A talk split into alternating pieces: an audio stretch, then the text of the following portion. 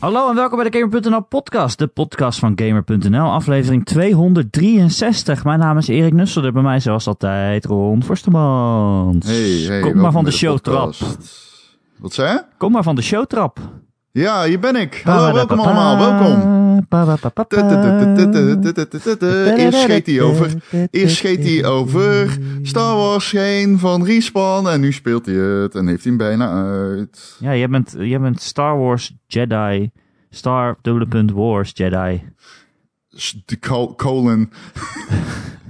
Fallen Eh, Order aan het streamen afgelopen week. Eh, oh ja, aan het streamen, ja, ook nog. Ja, ik en aan stream het dus. spelen. Als je me wilt volgen op Twitch, please do. Ik eh, heb ook eh, afgesproken dat ik eh, voor Gamer ga streamen. Dus ik ga nu op regelmatige basis streamen. Ja. Wilbur doet het niet meer, dus ga ik het doen. Maar ik doe het op mijn eigen kanaal.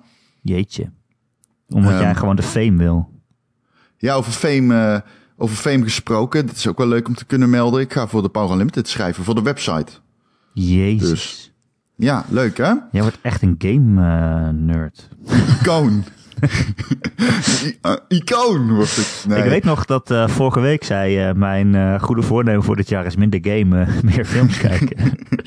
Well, I failed. dus, is, ja, is het al Blue Monday zo, die, die, die dag in het jaar dat al je goede voornemens al verpest zijn en Ja, ik snap chagrijnig Ik, snap, ik heb daar dus nooit last van. Goede Nee, voornemens het is verpesten. Nou, nee, ik maak ze Nee. gewoon nooit. Nou, je bent ook meer aan, het- meer aan het sporten. Nou, dat is wel waar. Ik heb het goede voornemen dat ik naar de sportschool ga. Oh, nou, tot dusver. Ik heb ze nooit. Het is nu al verpest. Maar mijn goede voornemen om geen goede voornemens te hebben is mislukt. Eh, ja, in die zin doe je jezelf eer aan. Maar vertel even, wat heb je, wat heb je met jezelf af... Wacht, zal ik eerst vertellen over Star Wars? Of Vertel jij wat eerst- over Star Wars? We hebben nu echt vier dingen tegelijk. Ja, jij doet eerst sporten. Ik heb jou eh, gesproken over sporten. Jij bent actiever eh, in de gym bezig. Eh, je gaat twee keer in de week sporten. Nou, weet je wat het is, Ron? Ik, ik, ik had eigenlijk gewoon... Ik werkte gewoon te veel. Vroeger. Vorig Ja. jaar, zeg maar. Vroeger. Ik had eigenlijk twee banen. Ik had gewoon een vaste baan en daarna deed ik nog freelance allemaal dingen. En, en ik heb dus eigenlijk die vaste baan opgezegd. En ja, ik- weet je, ik werkte 60 uur in de week en nu, nu eh, denk ik 30. Dus ik heb gewoon letterlijk 30 uur per week over. Gewoon Ja. zomaar. En ik heb geen kinderen. Ik, ik, ja, ik heb gewoon 30 uur over.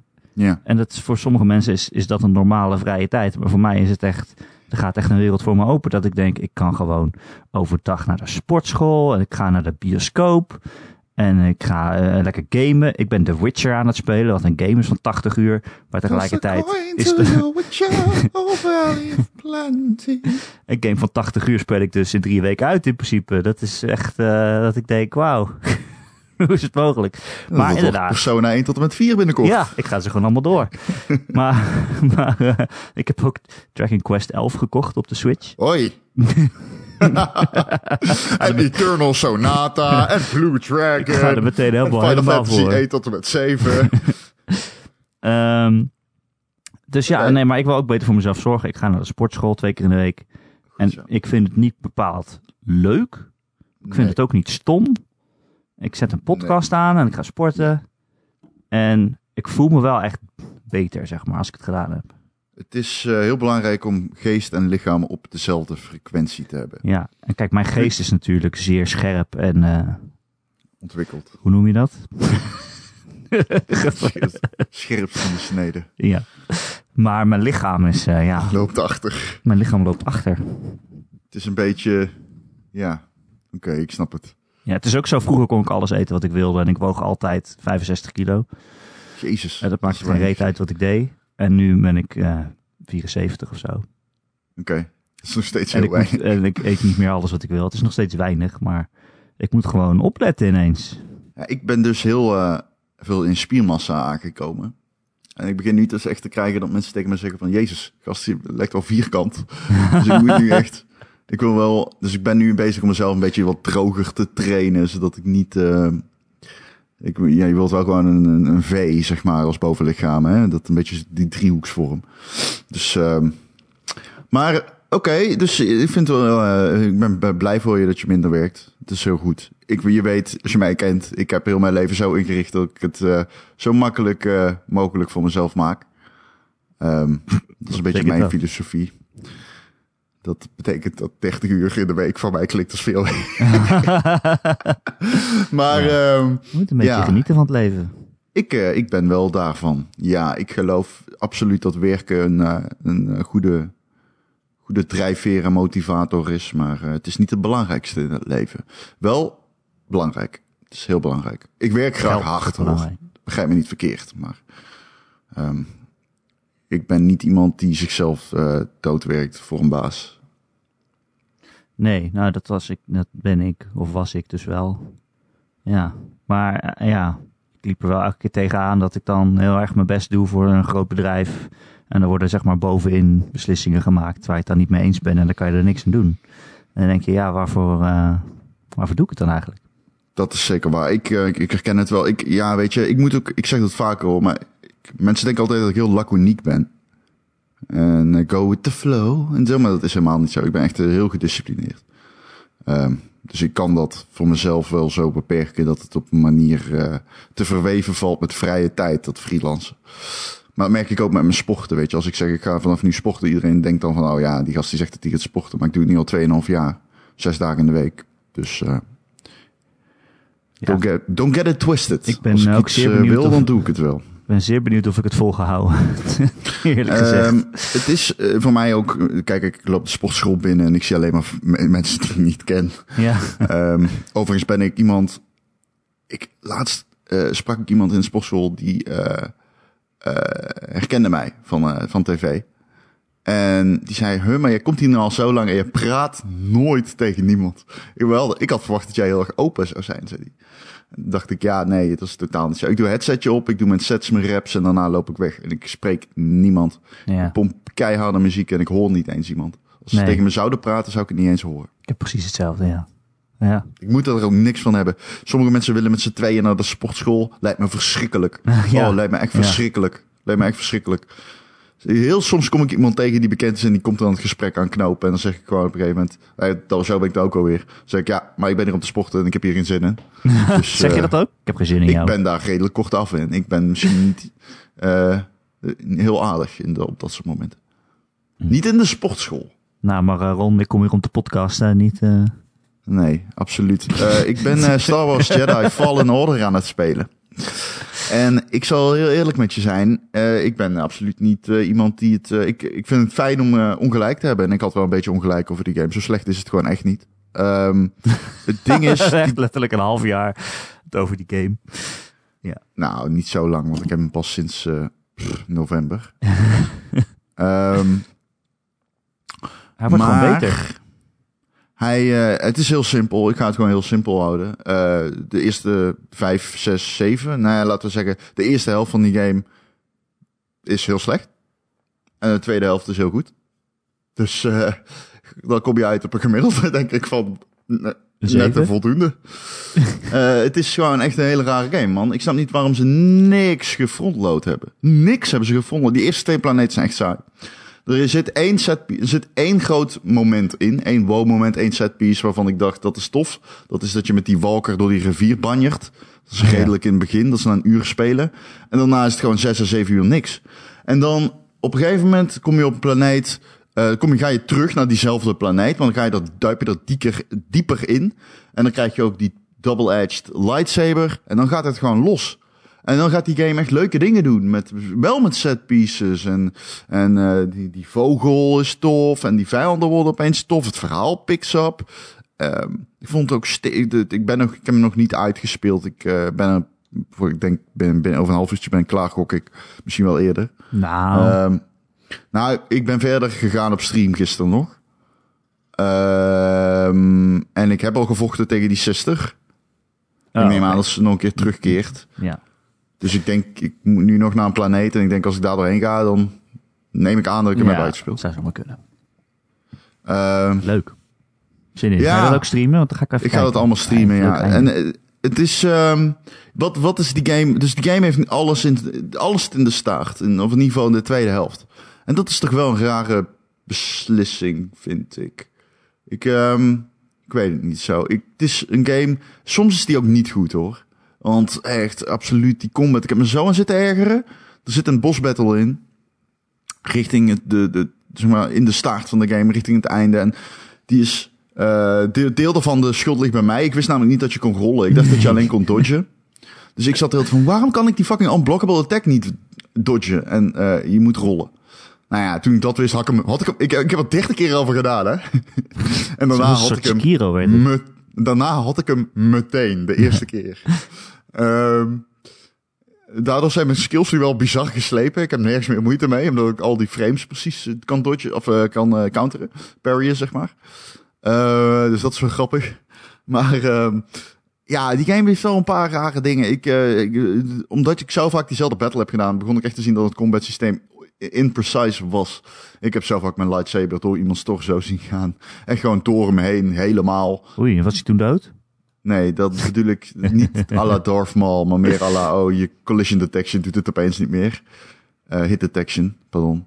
Ja, en dan denk ik, jeetje, dat is wel een beetje matig of zo. En deze game is meer als een, ik weet niet, het is, het is echt meer een... Sekiro is inderdaad een betere game. Want dit is ook wel echt heel erg een game die je een beetje verstand op nul moet zetten om ervan te kunnen genieten. Want er zitten echt dingen in dat ik denk, jezus, leek je dit een goed idee? Op een gegeven moment is er een, eh, een vliegende fucking, weet ik veel, skunk. Ik noem hem grote vogel. En eh, je moet op hem landen. En je, je zweeft in de lucht. En die scène, dat is een toffe setpiece. Want je bent echt aan het battelen in de lucht. En BB-1 die praat, bliept tegen je. Ehm, alleen het is dus de bedoeling je van hoog op dat ding landt. Maar ja, elke keer ben je te laag. Of je gaat te snel. Of je, je, je vliegt te hoog. Je vliegt eroverheen. En dan reset hij weer. En dan moet je weer opnieuw die val doen. En dan ben je gewoon tien keer die val aan het doen. Dan denk je, ja, wat is dit? Wie, wie verzint dit nou? Is dit, dit is toch to- stom? Ik bedoel, ik snap dat je gameplay in de... Je wil niet dat het passief is. Dus je wilt daar gameplay in verweven in zulke grote momenten van de game. Je wilt dat daar gameplay mee gepaard gaat. Niet dat je passief naar een filmpje aan het kijken bent.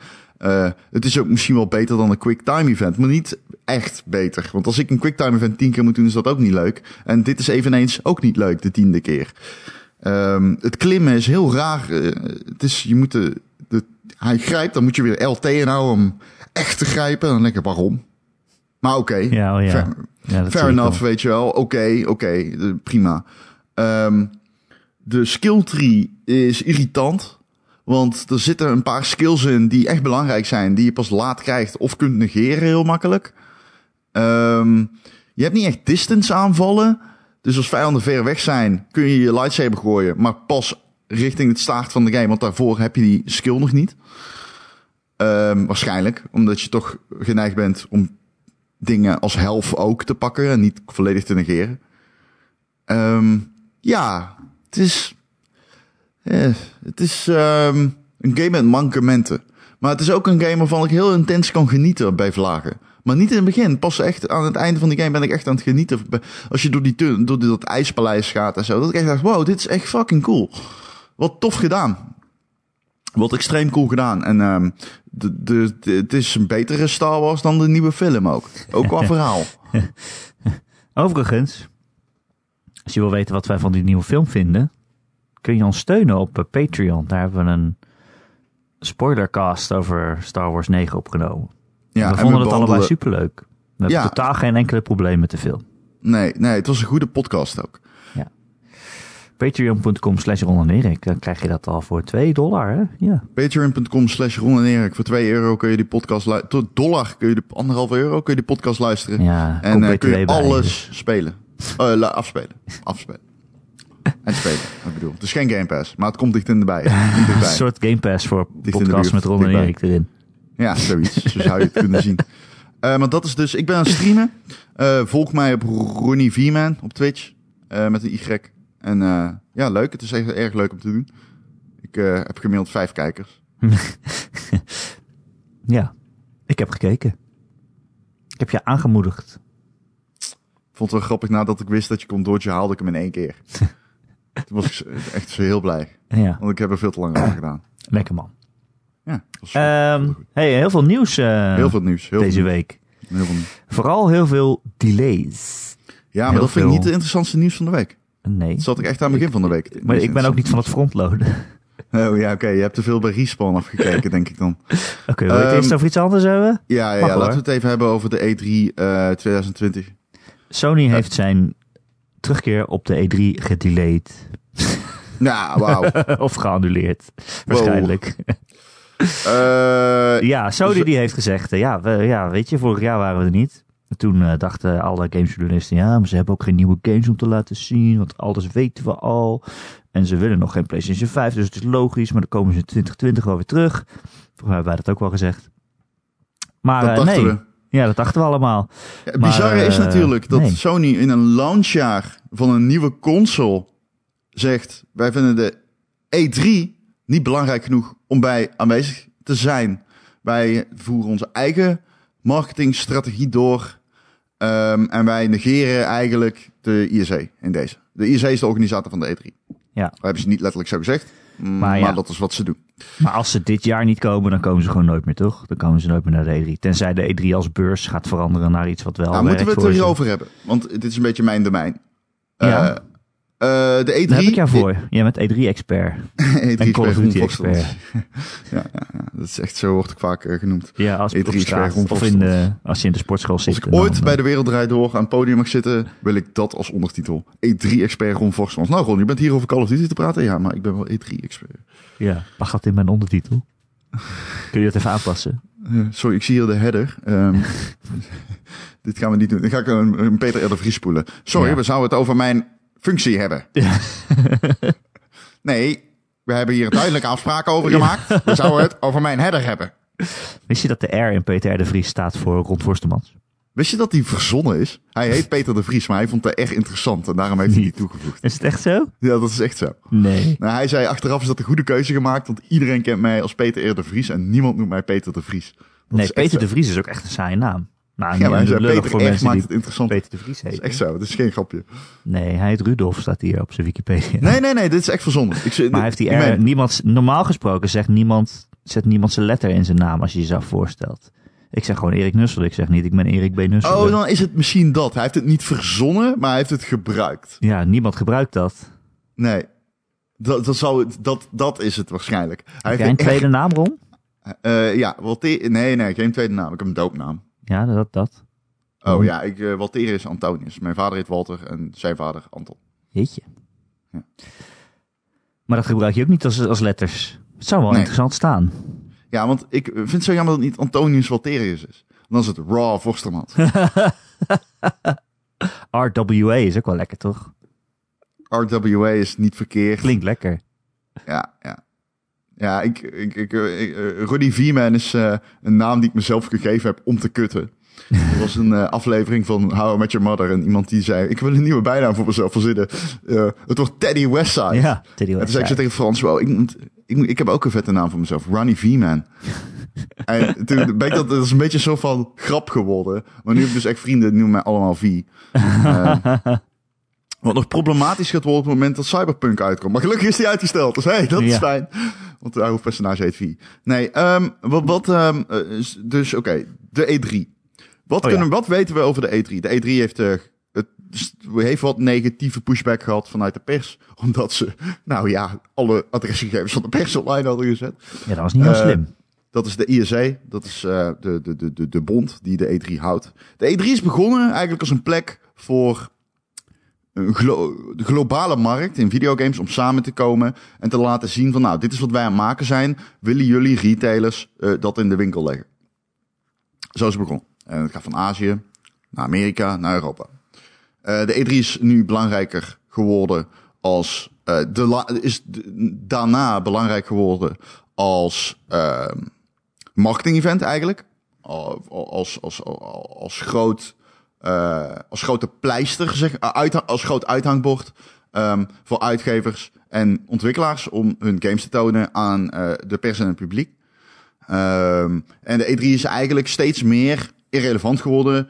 Eigenlijk gewoon met de komst van het internet.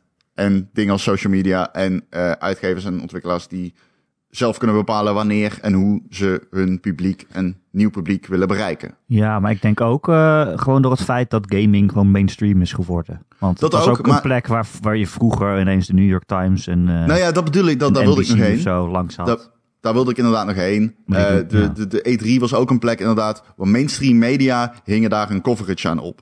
En dan kon ze één keer in het jaar schreven ze dan over. Nou, Het dit is kerstmis voor Xbox. gamers. Ja, zoiets, weet je wel. Dit is de, maar dat is al best wel lang niet meer zo. De E3 vervult die rol al best wel lang niet meer. Ook niet richting inderdaad, de, WSJ, hè, de Wall Street Journal en, ehm, en eh, de, de, de, de New York Times. En allemaal mainstream kranten in heel de wereld. En websites. Ehm, Die schrijven gewoon überhaupt over games, omdat het gewoon best wel groot is. Dus wat de E3 zelf al ziet, de ISA zelf al ziet, is dat de interesse van ontwikkelaars en uitgevers om aanwezig te zijn, hè, de, de, de letterlijke ROI van ontwikkelaars om, om daar eh, fysiek aanwezig te zijn, wat dan weer active, dat is ook, een- nou, daar gaan we het zo wel even over hebben. Maar heb je de statement gelezen van de ISA hierover? Nee, hebben die gereageerd? Fantastisch, maar daar gaan we het zo nog even over hebben. Maar dus de E3 is, speelt daar een belangrijke, heeft daar een belangrijke rol in gespeeld, is niet meer zo. Dus ze moeten op zoek naar andere manieren om relevant te blijven. En nu hebben ze het een paar maanden geleden gezegd, nou ja, we gaan meer de consumentenkant op, hè, de Gamescom achterna. Ehm, en wat we doen is, we gaan eh, fysiek entertainment regelen voor mensen die in de rij staan. Eh, het wordt groter, het wordt goedkoper. Ehm, uitgevers eh, die mogen, hoeven minder te betalen om er aanwezig te zijn, waardoor zeg maar willen hopen ze weer de interesse groeit in de E3. Het nadeel is alleen, je concurreert dan met dingen als Gamescom. En Gamescom is simpelweg vijf à zes keer groter dan de E3 kan zijn in de hal. Ehm, dus dat is eigenlijk al probleem A. Dus ze bevinden zich nu op een soort van hellend vlak. Ze kunnen niet echt meer een kant op. Wat gaan ze doen? Meer consumergericht. Dan worden ze irrelevant. Gaan ze meer richting de ontwikkelaars en uitgevers toe. Die interesse is aan het afnemen. Dus dan moet er echt iets groots gaan gebeuren vanuit de kant van de ISC. Of ze moeten echt gaan slinken in kosten. Of ze moeten zorgen dat ze op de een of andere manier weer heel erg relevant worden. Maar ja, die, dat is een, er is geen middenweg daarin. Snap je? Uh, dat is iets waardoor de E3 een paar jaar geleden heeft gezegd van we kiezen ervoor, we belopen de middenweg juist niet. We gaan gewoon weg hier. We gaan gewoon weg. En uh, het wordt gewoon een heel klein pers-event zonder grote bombarding. Uh, om de kosten te, te, te, te, doen slinken. maar het nadeel daarvan was weer, uitgevers hadden zien van ja, daar hoeven wij niet bij aanwezig te zijn. Dat kunnen we zelf ook. Ja, precies. Ja, dat denken ze dus, nu ook trouwens met de grote dat, E3 ook. Dat, dat denken ze nu ook. Dus Sony is dan niet bij aanwezig. En Um, het statement van Sony is eigenlijk uh, kort door de bocht. Um, wij hebben een marketingstrategie. Die leunt op uh, globale events, kleinere events, zoals Gamescom. Ze spreken van honderden. Nu lijkt me dat overdreven. Maar nou ja, ja ik, ik, zag dat meer als dat ze in, dan in een winkel dat je dan de PlayStation ja, 5 kan met uitproberen. een truck rondrijden en zo. In dat een winkelcentrum. Ja, precies. Nou, daar moet je aan denken. De PlayStation truck en weet ik allemaal wat voor onzin, hè. Um, maar dus dat willen ze gaan, dat, dat doen ze al en dat blijven ze doen. En uh, ze hebben natuurlijk ook de PlayStation Experience hebben tegenwoordig, die, die, die nou. soort van uh, PlayStation Direct.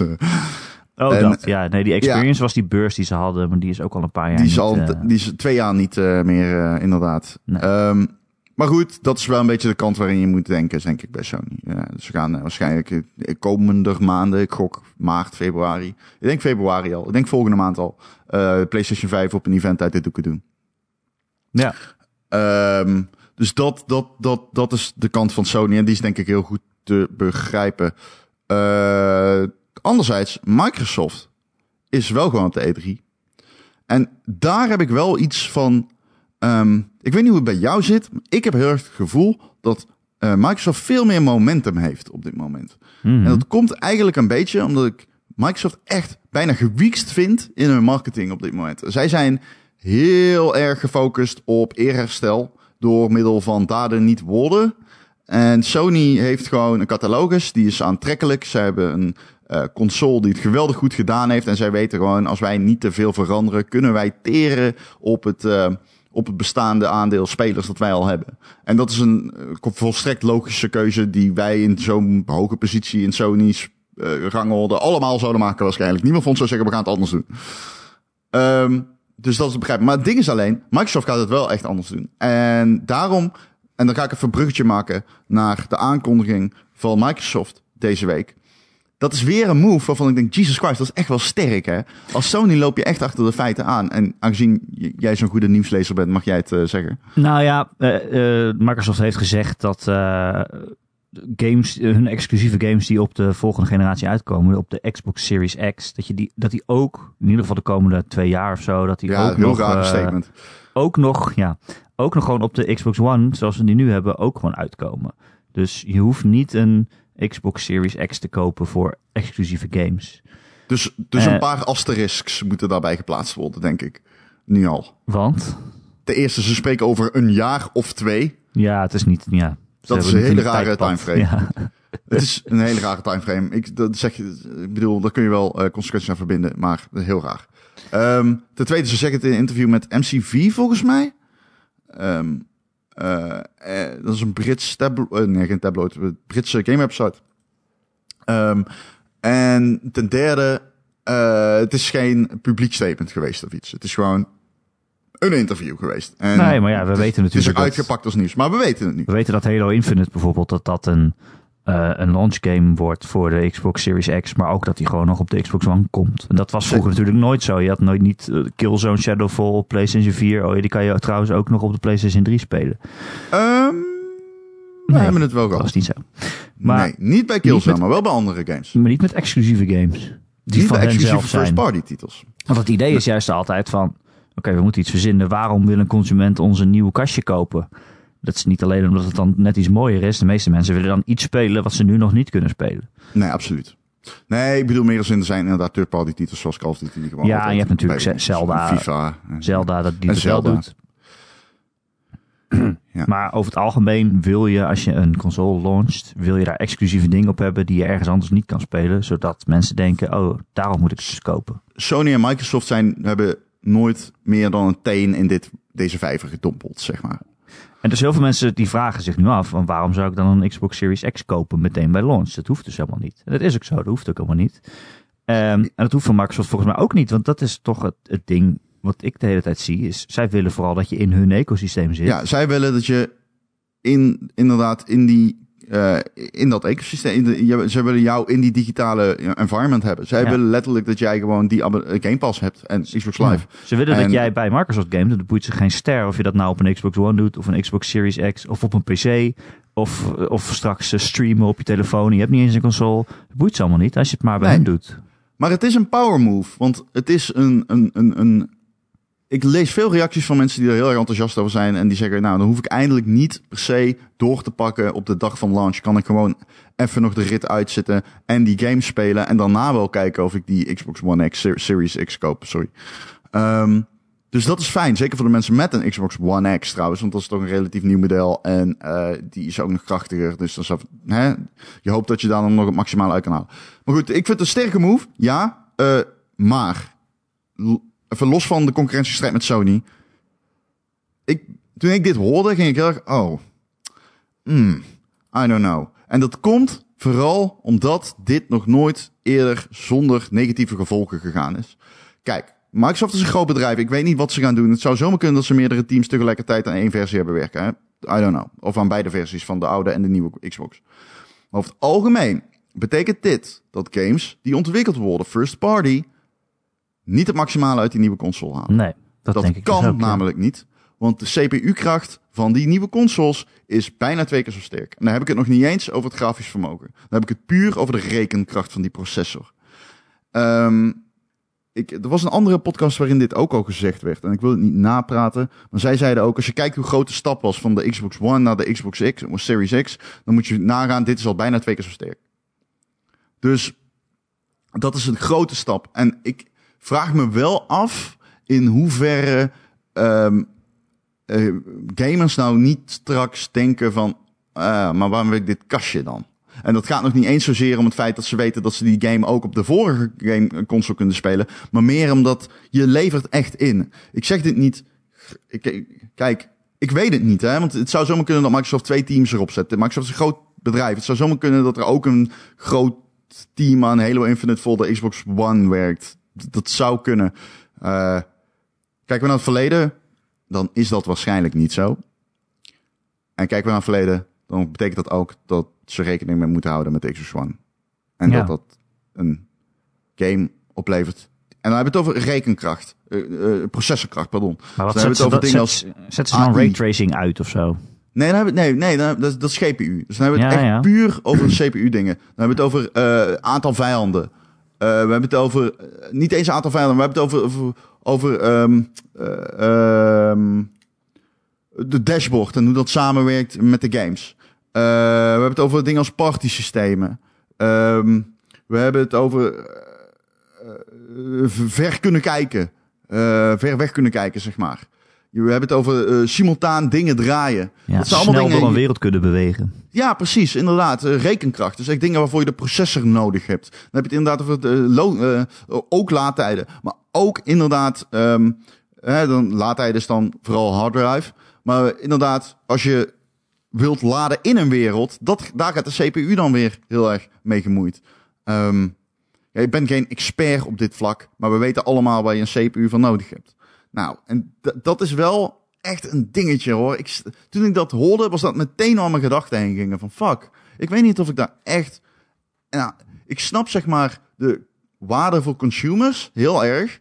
Alleen ik als gamer die eh, eh, domweg gezegd dikke shit wil, ehm, heeft wel... Ik vind wel dat deze beslissing daar... Ik ben niet meteen overtuigd dat dit er niet onder leidt. Onder Nee, maar ik weet niet of, me- of mensen dat helemaal beseffen of zo. Want kijk, je kan wel zeggen, een game is mooier. Deze game is mooier als ik hem op een, op een sterkere hardware speel. En dat is waarschijnlijk ook zo. Maar zo'n game wordt ook helemaal ontworpen om ook af te kunnen spelen op eh, eh, oudere hardware dan. Dat moet dan wel. En dat gaat dan ook Oh, we kunnen inderdaad iets langer doorgaan, Erik. Sorry. Oh, eh, Oké. Iets langer doorgaan. Maar, Ja, het, gaat inderdaad over dingen wat jij zegt van hoeveel vijanden zijn er in een level. En dan wordt het spel dus ontworpen met een beperking, omdat hij ook op de gewone Xbox One moet. En dan zijn er dus niet zoveel vijanden als zou kunnen. Ook als jij op een Xbox Series X speelt. Of een ding als hoe, Ja. snel, hoe snel kan een auto rijden in een open wereld? Want Ja, ja, als precies. een auto te snel gaat, dan kunnen ze niet die open wereld Maar dat is ook hard laden. drive. Dat is ook Ja. je, je, de, de flashgeheugen. Ja, maar je moet, je moet dus die game zo ontwerpen dat die op een gewone Xbox One draait. En dan ga je niet ineens voor de Xbox Series X een heel andere game maken, lijkt me. Waarin je ineens meer vijanden hebt. Want dan is het gewoon een ander spel. En ook met een Helemaal andere waar. balans. Helemaal waar. En je hebt te maken opeens met laadtijden die de ene speler wel heeft en de andere niet. Et cetera. Ja, maar laadtijden vind ik niet zo... Ja, maar Oh, laadtijden, bedoelt ik heb het over je- in een game. Ik heb het over renderen. Ja, ja, ja, precies. Nee, geen laadscherm of zo. Nee, nee, nee. eh, dat je geen zwarte vlakken, vla- vlakken ziet waar een te- texture wordt te staan. Ja, Snap je? precies. Omdat ze het niet snel genoeg in kunnen laden. Ja, en dat is inderdaad wat jij zegt over die auto's een heel goed voorbeeld. Een auto kan niet heel erg hard rijden, omdat hij dan de wereld nog niet gerenderd heeft. Dus er is een soort van limiet daar. Ja, maar s- ehm, bijvoorbeeld bij de PlayStation hebben ze dat laten zien door eh, Spider-Man op een PlayStation 5 te spelen. En dan kon die ongeveer zo snel als een F-16 door de wereld heen. En dan werd het mm, toch snel genoeg geladen. Ja. Eh, op een PlayStation 5. Ik wil daar ook weer bij zeggen, want dat vind ik ook wel relevant. Ga niet de vergelijking trekken met een PC alsjeblieft. Consoles hebben een hele aparte infrastructuur. Tegenwoordig wel veel minder dan eerst. Kijk, wat in de, de, dagen van de PlayStation 2, 3 en de Xbox eh 1 eh, was dat, en de 360 was dat nog veel meer zo. Xbox 360 al minder, maar de PlayStation 3 testte meer met zijn celprocessoren. Dus ehm, hou er rekening mee, je kan die vergelijking niet helemaal maken, omdat zeg maar, de wisselwerking tussen GPU en CPU anders is dan bij een PC. Maar zelfs dan heb je gewoon echt te maken met machines die eh, veel meer lijken op PC's dan voorheen. Dus je mag wel zeggen, nou ja, hè, de ene console is de andere niet. Dus als je voor beide gaat ontwikkelen, hoe erg leidt daardoor de ene console die het nieuwst is? En wat levert, waar levert die op in? Dat is wel iets wat je, dat is een afweging die je echt wel mag maken. En ik, dat is de eerste afweging die ik maakte toen ik dit nieuws hoorde. Eh, ja, Ja. dus ik ben niet onver, ik ben, ik snap de consumer value, maar ik ben niet eh, meteen eh Hosanna stemming. Nee, nee. Ja, het is wel handig voor als je gewoon nog niet de nieuwe hoeft te kopen. Maar ja, eh, ik, vond het, ik vind het ook altijd wel een fijn idee of zo. dat zo'n console-generatie gewoon een afgebakend iets is. Dat het zeven jaar is en dan koop je weer iets nieuws. En dan, ja, dan kan je alle nieuwe dingen weer spelen. Misschien is dat eh, hoe mijn hoofd werkt. Ja, ik, ik, ik weet niet. Maar eh, ja, Sony dus niet naar de E3. Microsoft Nee. die dan dit zo even eh, en passant even mailt. Het zijn echt leuke tijden. We zeiden het al in die eh eindejaars of in die begin van het jaar podcast. Want we, we gaan nu een jaar en dat we ook met deze podcast nog niet eerder hebben meegemaakt. Er gaat Nee. zoveel gebeuren en dat is zo leuk. En wat dat betreft, ja, tof. Echt fucking tof gewoon. Ja, maar De E3 is wel, staat wel op zijn laatste benen, denk je niet? Dat, dit gaat wel dood. Ehm, Of kleiner, of... ik hou van de E3. Ik vind de E3 tof. Ik hou... Ik, ik vind de E3 tof, maar in deze vorm heeft het, eh, heb ik er weinig mee. Ik hoorde Ja, al van kijk mensen die er vorig jaar waren. Dat, kijk, normaal je zo'n hal, die zat helemaal vol. En Sony had dan een grote stand. En waar nu Sony stond, ja, het voelde toch als een soort van gat of zo. Stonden geloof ik iets van Japanse games. Ik, ik weet het niet. De E3, ik, hoor, ik begreep heel erg dat de E3 vorig jaar heel anders was. En dat er eh, stands waren midden in de hal waar ze dingen verkochten als energiedrank en zo. Ja, Ik zat zo'n film van Giant Bomb te kijken dat ze door de studio heen liepen, door de dinges heen liepen. En eh dan gingen ze heel de E3 af. Toen waren er echt lege booths en zo. En dat ik dacht, hm. En toen dacht ik al nou, was, volgend jaar is het anders. Want dan is Sony weer terug. Maar dat is dus niet zo. Ja, het is een console launchjaar en Sony is er niet. Dat is wel een doodsteek voor de E3, denk ik. Het gaat absoluut minder interessant worden zonder Sony dit jaar. Dat is een feit. Eh, leuk ik voor denk Microsoft. dat, ik denk, wat ik dus eigenlijk wil zeggen is, ik denk Dat dat, het de E3 meer pijn doet dan dat het Sony pijn doet. Dat zij er niet zijn. Nou, ik denk niet dat Sony pijn doet. Nee, helemaal niet zelfs. Maar de E3 Nee, is echt een soort van, oké, dan kunnen we wel eens een beetje inpakken eigenlijk. Eh, zij weten wat ze, te, ze... Zij, zij... Ja, nou, heb je die statement gelezen? Nee, nee, nee. Nou, ja, wat zeggen ze ik- dan? Zal ik hem er even bij pakken? Ja, doe even. Statement. Ik E3, weet, Sony die zei... eh, ESA regarding Sony. ik dacht, ik praat het vol terwijl jij googelt. Maar... Oh, ja, ik heb hem al. Oh, oké. Ze hebben het gepost op hun website, thesa.com. Ehm ik ga hem, zal ik hem gewoon vollezen? Hij is vijf Lees maar even voor. En ehm, ehm, het grappigste aan deze statement vind ik persoonlijk dat er taal in staat die gewoon nergens op slaat. Oh, dat is Ehm, altijd leuk. Als in, en daarmee bedoel ik wel, het slaat wel ergens op, maar het is voor niemand interessant die dit leest. E3, E3 is a signature event celebrating the video game industry and showcasing the people, brands and innovations redefining entertainment loved by billions of people around the world. E3 2020 will be an exciting, high energy show featuring new experiences, Future- partners, exhibitor spaces, activations, and programming that will entertain new and veteran attendees alike. Exhibitor interest in our new activations is gaining the attention of brands that view E3 as a key opportunity to connect with video games fans worldwide. What? What? What? Oh, oh, oh, activations. Oh, chill. Partners. Oh, fuck. Nou, ik als consumer heb hier wel zin in. Heb jij zin om geactiveerd te worden straks op de E3? Zeker. Niet, eh, Erik? Zeker. Fuck, man. Let's get activated. Zeker. Fucking do it, broski. Ik ga eh, Red Bull drinken. En, eh, Jesus Christ. An exciting high energy show featuring partners, exhibitor spaces and activations. Woo! bedoelen ze Activision? Fucking get it! Hè? Is het niet Activision? Het is niet Activision. ja. Ja. Ja. Ja. Ja. word graag geactiveerd. Vind ik wel lekker. Ja, let's get activated, bro. ja. Ja, ik weet je, weet je, dit is... Oké, maar ehm, dat, dat was een statement. Ik dacht dat het over Sony ging. Maar, Nee, dit is de statement van E3 over Sony. maar dit is, dit is- nergens is het, wordt het woord Sony genoemd. Eh, in de titel. Oh. ISA statement on Sony E E3 2020. Nee, maar dat is, klopt niet, want ze zeggen er helemaal niks over. Nee, ja. Dit is hun statement. Daarom is het grappig. Oké. Dit is grappig toch? Ik bedoel, Ja, dit is gewoon een omschrijving van wat de beurs is. dit is gewoon wat de beurs is. Dat heeft niks met Sony te maken. Nee, en eh, veel activations. Ja, zeker. Ja. Ik heb nog nooit zoveel activations gezien. Maar wat is hier nou grappig aan? Dit voelt als een smeekbede van, hey guys, eh onthoud, zijn er je nog, kunt hoor. je doelgroep activeren. Je kunt al je marketing activeren hier. Laten we het niet vergeten. Het voelt alsof dit geschreven is naar uitgevers. En niet naar pers, niet naar gamers. Dit draait alleen om mensen die erheen moeten komen. dat is Heel zo. weird. Het is heel weird om dit zo te doen. Ehm, ja, IRC is echt on- onhandig. Ja, maar kijk, dat was ook toen die, al die gegevens werden gelekt. Ehm, Ja, dat is natuurlijk niet de reden dat Sony niet komt of dat die beurs doodgaat. Maar ik vond het wel heel eh, echt een voorbeeld van hoe out of touch die, die ESE is. Ze weten gewoon niet eens echt hoe het internet werkt of zo. Ze hadden gewoon een, een, een, een Excel-bestand op een website gezet.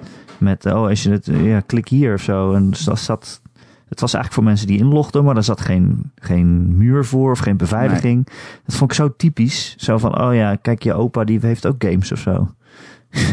Ja, het is een Ja. beetje onhandig. En als ze dit verneuken, vraag je je af, ja, wat, wat, eh, ja, Ja. wat kunnen ze nog meer allemaal verneuken? Dus het, het lijkt alsof het precies dezelfde mensen zijn die twintig jaar geleden ook de E3 organiseerden en die eigenlijk niks veranderd hebben. Het is gewoon heel onhandig. Ja. Ook toen ze zeg maar publiek gingen toelaten, toen hadden ze iets van weet ik veel hoeveel duizend kaartjes verkocht, maar ze hadden niks aan de beurs veranderd. Het was gewoon nog steeds een voor pers ingerichte en voor pers en voor bedrijven ingerichte beurs waar eigenlijk fans niet zoveel te zoeken hadden of zo. Ja, je kon acht uur in de rij staan om een game te spelen, maar het was helemaal niet op ze ingericht. Dat was heel raar. Ja, markant. Um, het wordt een interessant jaar voor de E3 als het niet van de grond komt. Kijk, Microsoft zit al bijna niet meer op de E3. Hè? Microsoft zit al in een eigen uh, Microsoft gebouw. Letterlijk van hun is Microsoft Arena of zo heet het. en dat is uh, op loopafstand van de... Nee, nee, dan moet je wel heen rijden volgens mij. Maar daar kun je gewoon binnenkomen als je voor de E3 geregistreerd bent. Dus het is soort van in samenwerking met de E3. Maar bijvoorbeeld toen ik er was, ik kon de games van Microsoft niet spelen op de vloer van de E3. Dan moest ik echt voor naar de, naar de Microsoft zelf op afspraak. Ja. Dus daar geven ze het er overigens in datzelfde gebouw geven ze ook de persconferentie. Dus ja, um, het gaat niet goed bij de ISA. Uh, de E3 verliest aan kracht. Uh, de interesse van uitgevers en ontwikkelaars om op de E3 aanwezig te zijn is al jaren op zijn minst aan het stagneren, maar het is ook gewoon aan het dalen. Um, en je merkt ook nu bij, bij, bij gamers dat ze zoiets hebben van, nou, we hebben altijd nog Gamescom. Hè? Um, ja. Er zijn andere events waar Sony ook aanwezig kan zijn. Dus uh, als ze het niet zelf doen, zijn er ook nog dagen alternatieven. Ik zie het niet uh, rooskleurig in uh, voor de IEC, nee. Nee, nee. Maar je hebt dus ook hè? die hebben ook al een paar jaar gewoon hun eigen event. Zo'n beetje om de hoek en in dezelfde tijdspannen als de, als de E3 is. Maar die hebben ook gewoon gezegd, ja fuck it, dat kunnen we zelf ook doen. Voor goedkoper ja. waarschijnlijk. EA Play. Ja, ja en um, dus komend jaar Microsoft dit jaar wordt heel interessant. Microsoft, de persconferentie. Ik ga er lekker van zitten. Ik heb er zin in.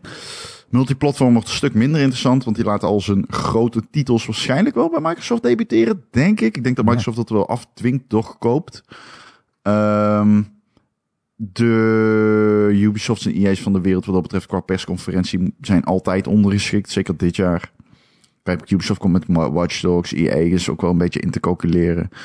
Um, ja, het is een beetje, ja, eh, gezapig. Het wordt een, uh, tot een beetje oude jongens krentenbrood als we het over de E3 gaan hebben. Want het begint steeds minder, irrelevant, uh, minder relevant te worden allemaal. Ja, maar dat toch, uh, ja, in zo'n jaar waarin het nieuwe consoles komt, het is toch... Ja, het voelt toch kut of zo. Dus E3 was voor ons ook altijd wel een feestje. Dat je tot in midden in de nacht opblijft om al die persco's te kijken. Ja, zoals het was. Ja, was het tof. Maar dit, ja, nu, ja, ik heb er nu meteen al minder mee. Sony moet daar gewoon aanwezig zijn. Maar ja, ja, voor de E3 om leuk te zijn, ja. Maar voor Sony oh, voor de E3 om leuk te zijn. Ja. Nee, natuurlijk. Nee, luister, dat is heel egoïstisch bekeken. Want uh, luister sowieso, als wij gaan zeggen wie heeft de E3 gewonnen, dan neukt niemand ene meter, nee. behalve wij. Nee, ons. Er gaat onze dus, clickbait-titels. Uh, dat, uh, nee, dat is zeker waar. Die nee. lees. Ja. Nou, ik had ook nog een vraag die hierop aansluit. Van Mick Angelo 40. En die zegt, uh, ja, PlayStation gaat niet naar de E3. Maar wanneer verwachten jullie dan wel dat ze met iets gaan komen? En zou het zomaar kunnen, omdat ze nog twee grote games klaar staan voor de PS4, hè, Last of Us 2 en Ghost of Tsushima, dat ze dan die launch in het najaar nog verschoven gaat worden naar bijvoorbeeld begin 2021? Oei. Nou, nou, wanneer verwachten we dat er iets komt? Ik denk nog steeds februari. februari.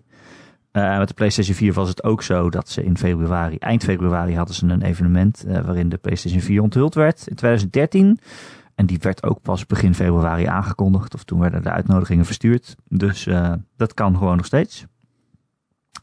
Ik denk in ieder geval voor de GDC, de, die is altijd eind maart. En dan, ja, dan ontmoet je allemaal ontwikkelaars, doen, doen ze daar. En dan gaan ze die toch overhalen om voor de PlayStation 5 te ontwikkelen en zo, dat soort dingen. Dan wil je er toch al aangekondigd hebben, lijkt me.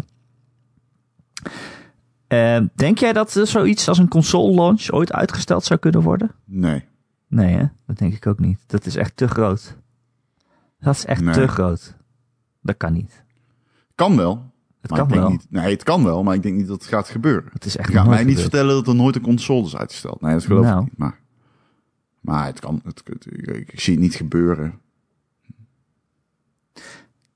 Nou ja, wat natuurlijk kan is dat je moet natuurlijk wel games hebben als je zo'n console in de winkel legt.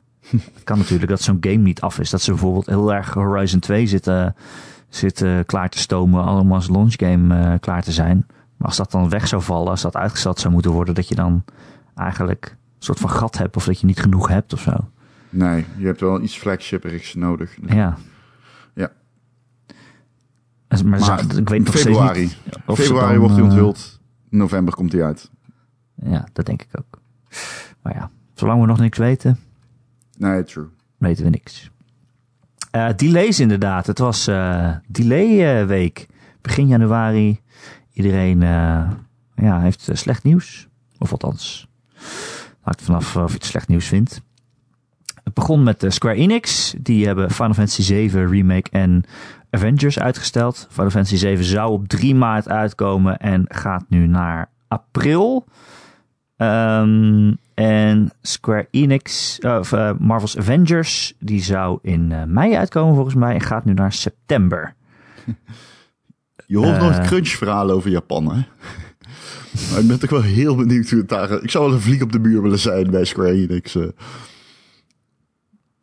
Ja, nou ja, ja, Zo'n harde werkcultuur. ja dat is Ze werken heel al Japan. 70 uur in de week. Is heel Japan, ja. Je kan niet meer crunchen, want er is niet meer tijd dan dat zal werken. ja. Ehm, ja, heel veel uitstellen. En ja, Cyberpunk 2077 dus ook uitgesteld. eh, van CD Projekt Red. Dat eh, zou in april uitkomen. En die dacht natuurlijk, eh, oh shit, Final Fantasy 7 Remake komt nu wel heel dichtbij. Ik denk dat we moeten pushen. Dus die is naar eh, 17 september gegaan. Ja. Ehm, Dat doet die game geen pijn. Nee, die, die doet game die kan, game altijd, absoluut die geen kan pijn. altijd uitkomen. En, eh, Jij bent heel erg van het, het heet Adventures, dus het verkoopt toch wel. Ik ben daar echt niet van overtuigd. Ja, Nee, ik heb het over Cyberpunk nu, hè? Oh, sorry. Wat, Sorry. bedoelde jij dan? Nee, ik had het over Avengers. Sorry. Oh, nee, Avengers die, eh, die had nog wel wat eh, nodig, denk ik, of zo, ja. Ik, Avengers maakt echt niet uit wanneer die uitkomt. Ehm dat boeit niet. Want je speelt het toch niet? Dat bedoel ik niet. Ik bedoel dat die game er niet onder leidt. Er is zo weinig. Dus ik denk als je de gemiddelde persoon vraagt wanneer komt Avengers uit, dat ze niet eens kunnen weten. Nee, joh. Dus eh, ik denk echt dat het niet zoveel pijn doet voor, die, voor Square Enix. Cyberpunk doet meer pijn, denk ik. Nou ja, weet je wat het is met zo'n game? Het komt wel heel dicht bij de nieuwe, nieuwe consoles ook. Nieuwe console generaties. Heel veel mensen zeggen nu, nou dan wacht ik wel tot de PS5 er is. Of de Xbox Series X. Ja, snap Ehm, ik. Snap Ook ik al heeft CD Projekt Red zelf gezegd, ja, we, we zijn niet bezig met een, een next-gen versie. Eh, Ja, dat is wel zo. Hij komt echt dichtbij nu. Ja. Markant. Dat is een rare situatie. ja, ze zijn ook niet een aparte versie aan het maken, maar ja, als die consoles backward compatible zijn, kun je ze sowieso spelen. En nou ja, zal je op zijn minst kortere laadtijden hebben. En eh framerates die niet dippen, als dat dan al zo is. Ja, dat durf ik niet te zeggen. Maar het is wel in ieder geval een, een rare, raar gat zit daar, ja. The Witcher is eh, wat dat betreft ook uitgesteld toen om naar de next gen te gaan. Want die was eigenlijk ontwikkeld voor de current gen. Serieus? Ja. Nou ja, het draait op Switch, dus eh, kan. Ja. Ehm, dus ja, ze hebben daar wel ervaring mee. Dus als zij zeggen hij komt niet uit.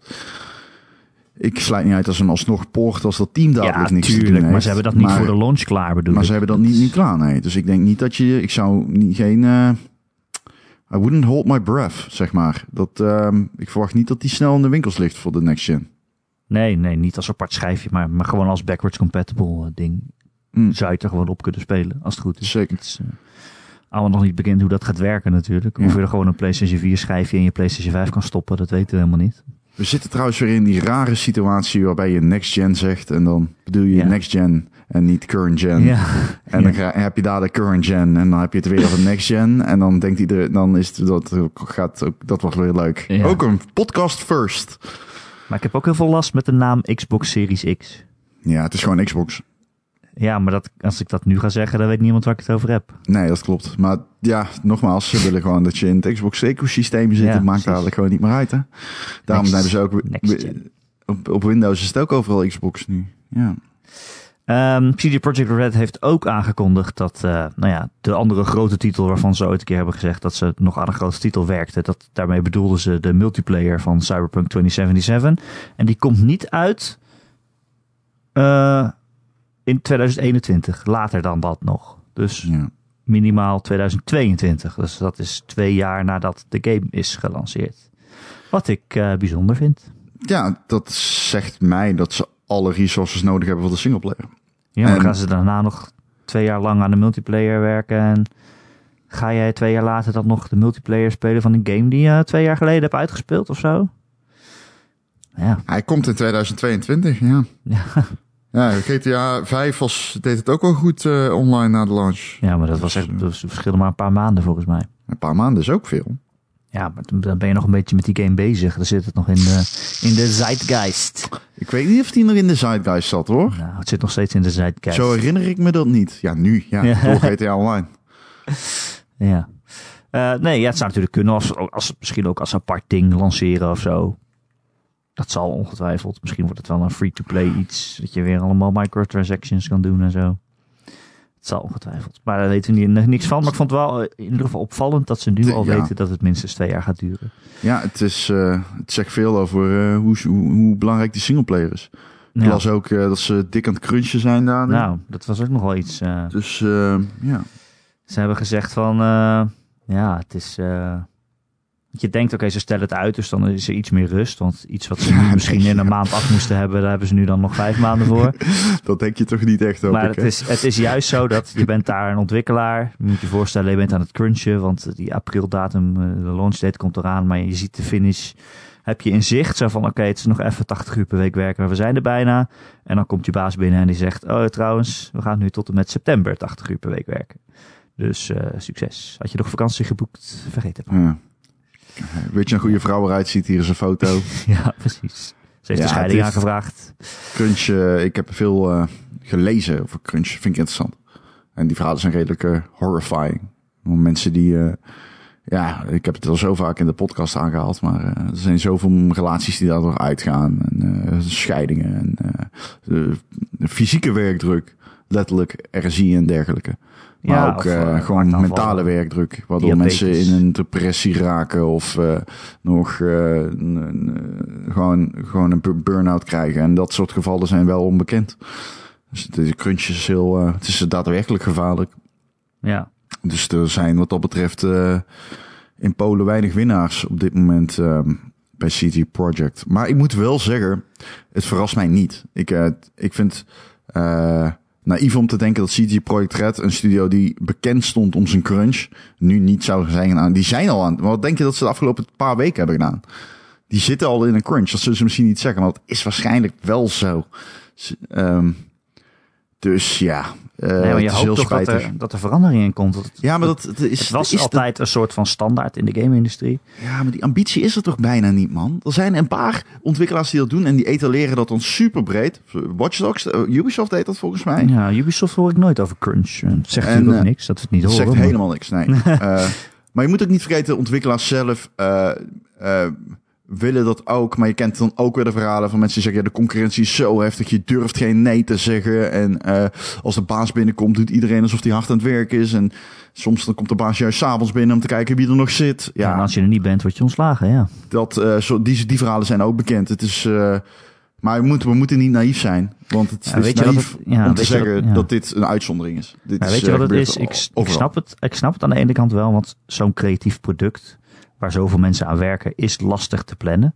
En dan kan het natuurlijk dat je aan het eind zit, shit, er zitten nog zoveel bugs in, we moeten dit even plat slaan of zo. We moeten even alle hens aan dek. En dat zal je eh, andere mensen in andere banen ook hebben. Ja, Ik heb ook als journalist ook wel eens dat, eh, dat net als ik klaar ben met werken, komt er groot nieuws binnen en dan doe ik er eigenlijk nog een werk erachteraan. Dat is Ja. wel eens gebeurd. ja. Alleen, ja, eh, normaal gesproken is het dan zo dat ik de dag daarna vrij heb, zeg maar. Of dat het Ja, dat een overzichtelijk aantal crunch dagen is. Dat je weet van, oké, we hebben nu een project. Ik moet een week even, even knallen en dan daarna is het rustig aan doen. Ja. Eh, dat je overuren kan compenseren of in ieder geval uitbetaald krijgt. Eh, maar dat Ja. zijn natuurlijk ook allemaal dingen. We hebben allemaal cao's en we hebben allemaal vakbonden die dat regelen. En dat hebben ze in de game-industrie niet. Eh, Nauwelijks. Nou ja, gewoon niet volgens mij. In Amerika niet. Ja, de voice actors hebben een, eh, een bond bijvoorbeeld, maar gewoon ontwikkelaars niet. Nauwelijks, nee. Ehm, dus ja, daar komt het ook allemaal vandaan. Ik snap dus wel dat het nodig is. Het is ook niet per se slecht om over te werken of dat iets af moet, dat het dan even, even doorwerken is. Ik kon niet zeggen dat dat nooit mag, maar ja, weet je, als je een half jaar aan het crunchen bent, of gewoon standaard misschien wel. Zoals eh, bij Fortnite eh, toen de verhalen waren, dat mensen gewoon zeven dagen in de week eh, tien uur werkten. Omdat die game altijd maar blijft veranderen. Ja, dat is gewoon, dat is gewoon niet goed natuurlijk. Dat is gewoon uitbuiting van je, van je werknemers. En die worden dan ook helemaal uitgeblust. Nou, je hoopt toch altijd dat het verandert. Maar ja, ik weet, ja. Ja, maar ja, wat ik al zeg, het verandert niet. De, de, de gevallen zijn evident. Ja. Het gaat wel veranderen, want het moet veranderen. Het kan niet zo doorgaan. Maar ja, er moet even iets gebeuren. Nee. Ja, er zijn heel heel mensen erg, die zeggen, ja, moeten we dat dan boycotten of zo? zo zoiets als Ja. Cyberpunk. De, de mensen die dat zeggen waren al niet van plan om het te spelen. Dat geloof ik echt. Nee, maar ergens denk ik ook van, ja, ik wil hier niet aan bijdragen. Maar ergens denk ik ook van, ja, dan hebben al die mensen voor niks 80 uur gewerkt per week. Ja, Ik nee, denk ook niet dat zij zo eh, zouden willen dat ik het niet zou spelen of zo. Nee, maar ook ja, ik bedoel, dan lees ik dan online dat mensen zeggen, ja, ik eh, ga het niet spelen. Dan denk ik, ja, lult niet, je was al niet van plan het te spelen. ik geloof het echt, ik geloof het niet. Ja, Maar goed. nou ja. Eh, ja, veel dingen uitgesteld dus, Ron. Vind je het, moeten we dit nou erg vinden? Ik bedoel, Nee. als ik hoor Cyberpunk is uitgesteld. Het is een game waar ik het heel erg naar uitkijk. Dan denk ik wel even, ja, kut. Maar ja, ik heb ook liever een goede game Ja, dan tuurlijk. dat het eh, eerder komt. Een slechte game is altijd slecht, al is dat tegenwoordig niet meer waar. Maar eh, Nee. ja, een goede game is later beter. Dus laten we daarvoor kiezen, want dat is beter dan het alternatief. Ik, eh, Crunch is natuurlijk wel altijd slecht. Maar goed. Het heeft eh, wat dat betreft eh, ja, op mij weinig... eh, ik kijk, ik kijk, eh, als ik dit nieuws dan binnen zie vallen... dan denk ik van, wow, dat is wel groot nieuws. Dan denk ik niet persoonlijk van... oh, ik ben nou intens teleurgesteld... dat, er, dat, er, dat ik vijf maanden moet wachten extra op Cyberpunk. Maar ik ben sowieso heel erg van het... ik zie het wel. Altijd. Dus eh, ik, heb, ik zit nooit zo van... oh, oh, ik kan niet wachten. Ik ben altijd gewoon van... oké, als die binnenkomt, komt die binnen. Het wel een beetje raar dat, eh, dat we nu gegaan zijn van... oh shit, de eerste helft van 2020 is echt ziek druk... naar eh, het valt eigenlijk best wel mee. Het is allemaal best wel uitgesmeerd inmiddels. Eerst had je Ja. natuurlijk ook Watch Dogs, die zouden ook in deze periode uitkomen. Eh, nog in die Gods and Monsters, nou, allemaal, al die Ubisoft games zijn uitgesteld. Nou, je hebt The Last of Us, die ging al naar mei. Final Fantasy een maand opgeschoven. Avengers is er tussenuit, Cyberpunk... Ligt ook een beetje aan ons. We hadden dit kunnen voorspellen. Het gebeurt ieder jaar opnieuw. Het is altijd zo, maar ik vind dit wel heel veel. Maar het komt even tegelijkertijd. Ja, dus Vorig jaar is er ook veel uitgesteld, vergeet dat niet. heel veel mensen vragen zich dan af waarom zeggen ze, communiceren ze dan überhaupt een release datum als ze dat toch nooit aan houden? Volgens mij is het is dat antwoord. de vraag? eh, nee, Aandeelhouders. ja, aandeelhouders en pre-orders. Ook. Kan je lekker Nou. pre-orderen, er is een datum. Ja, maar pre-orders kun je tegenwoordig ook eh, doen zonder eh, concrete Ja, volgens mij doen dan minder mensen dat. Dat zou kunnen, dat weet ik niet. Als je het zegt, hey, leg eens 50 euro neer voor, eh, voor Kingdom Hearts, zes jaar geleden. Hij is aangekondigd, leg maar vast 50 euro neer. Wanneer komt ja, hij maar ooit ik geloof dat bijvoorbeeld de partij als Pol.com dat er gewoon garant voor staat. Ja, en hij komt er wel ooit uit. Maar ja, dan ben je toch zes jaar aan het wachten of zo. Nee, oké. Kun je Misschien kan je nu al- annuleren, toch? Ja, Ja, kan, kan. oké. ja. Waarom zou je het dan doen? Kan, zou je nu al de Elder Scrolls je 6 sowieso kunnen pre-orderen? Bijvoorbeeld. Zullen we eens kijken?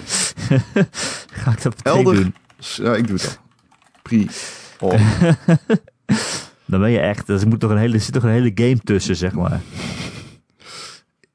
Dan ben je wel echt... Er komt eerst nog Starfield, moeten ze nog maken. GameStop Ierland voor 70 euro. Dan ga je nu al betalen. ja, het kan. Ja, voor inflatie in al die jaren is dat misschien wel slim. Ja. Ik, eh, ja, ik kan hem hier eh, ja, Oké, we gaan eh reserveren. Elder Scrolls 6 pre-orderen. Ik kan hem hier reserveren, de Elder Scrolls 6. Laat je over acht jaar even weten of die leuk was, Ron? Release datum 2020 staat er. Ja, dag. ja, het wordt een launch game, hè? Wist je dat niet? Ja, dat klopt, ja. Voor de PlayStation 7, toch? Ja, ja. Eh, Wat een onzin, zeg. eh, over onzin gesproken. Ja. De Gamer.nl podcast. Oh ja, die bestaat ook nog. Kun je elke maandag downloaden via Gamer.nl, onze prachtige website. Waar je ook Ron kan zien. Ron zwijgt naar de mensen. Hey, mensen. Ehm, en heel veel nieuws kunt lezen en reviews en previews en weet ik veel wat allemaal. Het is best wel een leuke website eigenlijk. Ja. Al met al. Al met al genomen. Ja. Eh, je kunt je ook gewoon eh, abonneren via allerlei podcast apps en feeds. Zoals eh, Apple Podcasts of Spotify of Stitcher of Pocketcasts of wat dan ook. Heb je een vraag of een opmerking voor de podcast of een onderwerp dat je graag wilt dat wij dat een keer behandelen? Dan kun je mij mailen erik.gamer.nl erik.gamer.nl Terwijl ik dat zeg, volgens mij heb ik een eh, e-mail binnengekregen, Ron. Ja, ook shout-out naar Marco van den Braak, die ons mij een tweet stuurde. Dat hij zei dat hij begonnen was aan Insight door de podcast eh, van de 100 beste games van de laatste 10 jaar. Oh, echt? Shout-out Niet over die ene eh, dat ik het een 7,5 gaf. Nee. Eh Dot Soldier die mailt mij Ron en die vraagt hoe vond Ron 1917? Ik vind het namelijk de beste film van dit decennium tot nu toe. Het decennium is natuurlijk pas drie weken oud, maar toch. Ron, Ja. 1917, wat vond je ervan? Die film? Eh, fantastisch. Ik heb hem vijf sterren gegeven. Ik heb echt intens van genoten. Maar ik wist het ding niet. Dus ik ging in de zaal zitten. En ehm, ja, ik eh, werd echt weggeblazen gewoon. Wat een vette film. Ja, ja, het ding. Maar dat is een, spoiler om dat te zeggen, of weet iedereen Ja, nee, ik wil het wel zeggen. Het is allemaal. Ja, ik vond het heel vet dat ik het niet wist. Maar mocht je het niet weten, wil ik het best zeggen. Het is eh, allemaal in één shot gefilmd. Eigenlijk twee, maar dat is natuurlijk het dus getruckeerd. Maar het lijkt allemaal één shot. En dat is echt. het zijn meerdere takes. De langste was volgens mij zeven minuten. Maar het is ontzettend vet gedaan. Het is ehm, een cinematografisch meesterwerk, echt. Het is zo fucking, fucking goed gedaan. Het is zo spannend en eh, fantastische film. Ga hem zeker zien in Dolby Cinema en anders IMAX. Als je dat eh, kunt, want oh, verdomme, wat een vette film. Wil je meer Ron en Erik? Of vind je ons gewoon aardige jongens en wil je ons een keer steunen voor deze podcast al die jaren? Dan kun je ons inderdaad financieel een, ja, een kleinigheidje toestoppen via eh, Patreon. Dat is dan patreon.com slash Ron en Erik. En eh, als dan krijg je dan ook weer extra podcasts die wij dan maken. En die zijn best leuk soms. soms zijn ze ook heel onzinnig. Maar meestal zijn ze leuk. Ron, eh, dankjewel weer. Ik vond het weer gezellig. Ja, ook bedankt. Ik vond het weer gezellig. Zeker, het is altijd leuk. Echt leuk. Echt leuk. Ik ga weer wat anders doen met mijn leven. Nou, wat ga je doen? Weet ik veel. The Witcher spelen. Sporten. Nee, ik ben net terug. Ik heb spierpijn al. Oké. Ik heb last van mijn, van mijn tieten. Wat heb je gedaan? Ja, gewoon die ene dat je zo in je borstspieren... Dat je Ah, in zo'n machine de- zit en je armen naar elkaar toe doet. De pack deck. De pack deck. Ja, Precies. En eh, mijn tieten doen pijn. nou, goed zo. Goed eten, veel kip eten vanavond. Ja, maar ik ben ik ben vega. Ben jij echt helemaal vegan? Nou, ik eet nog eens in de maand of zo vlees. Je moet even wat eh, proteïnepoeder kopen. Dat is dus ook eh, mogelijk. Als je denkt dat je te weinig eiwitten eet, dan eet je waarschijnlijk te weinig. Ik, ik hou dat niet bij. Nou, dan eet je er te weinig. Oké, oké, lieve mensen thuis. Eet eiwitten en eh, tot volgende week. Tot volgende week.